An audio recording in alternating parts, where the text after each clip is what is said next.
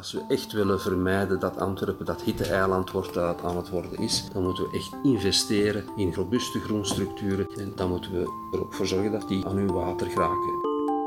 Aan het woord is Joris Schiepens. Joris is sinds 2012 gemeenteraadslid voor Groen en in de gemeenteraad volgt hij dossiers op rond ruimtelijke ordening, stadsontwikkeling en parkeren in de stad.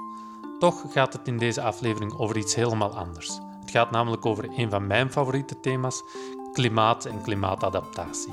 We hebben het onder andere over water in de stad, groen in de stad, warmte in de stad en ook over de vijver in het stadspark. Dag Joris. Dag Niel. Jij bent al even actief bij Groen. Van uh, 2010. Welk idee heb jij gekozen? Ik heb uh, ervoor gekozen om het uh, met jou te hebben over het nefaste daling van het grondwaterpeil in onze stad en maatregelen die we moeten nemen om dat tegen te gaan. Dat is super actueel. Dat is inderdaad super actueel. We komen uit een heel droge periode, verschillende weken van, van droogte.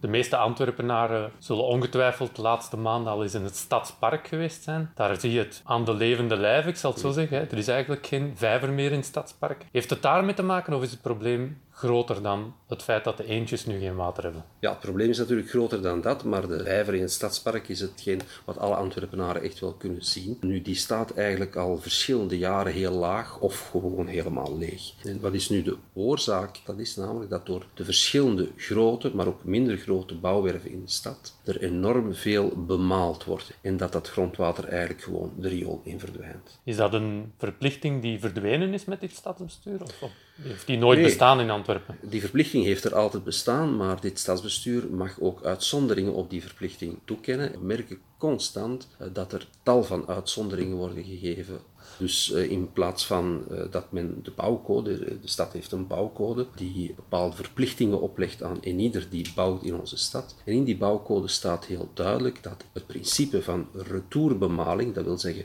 oppompen van het grondwater, maar het ook teruggeven van dat grondwater aan de grond, zodoende dat het grondwaterpeil in de stad gelijk blijft. Die verplichting uit de bouwcode die wordt door dit stadsbestuur constant met de voet getreden. dat heeft er natuurlijk alles mee te maken, omdat bepaalde ontwikkelaars, privé-eigenaars van panden die gebouwd worden. Dat is natuurlijk een enorme kost, die retourbemaling. En om daarvan af te geraken, is het natuurlijk gemakkelijker om toelating te krijgen om het gewoon de riolering in te plannen. Ja, een simpel idee eigenlijk. Handhaving van bestaande bouwcode. Oké, hartelijk bedankt. Graag gedaan. En daarmee is deze podcast gedaan. Het was een waar genoegen om met gemeenteraadslid Joris Giebens aan tafel te zitten Joris staat op de derde plaats op de lijst en ikzelf, Niels Staassen, sta op plaats 10. Het thema dat Joris aanhaalde in deze podcast is ook iets dat mezelf zeer nauw aan het hart ligt. Ik denk dat Antwerpen een heel belangrijke rol te spelen heeft in de klimaatstrijd en de komende legislatuur ook bijzonder belangrijk is om ons te wapenen tegen de gevolgen van klimaatverandering.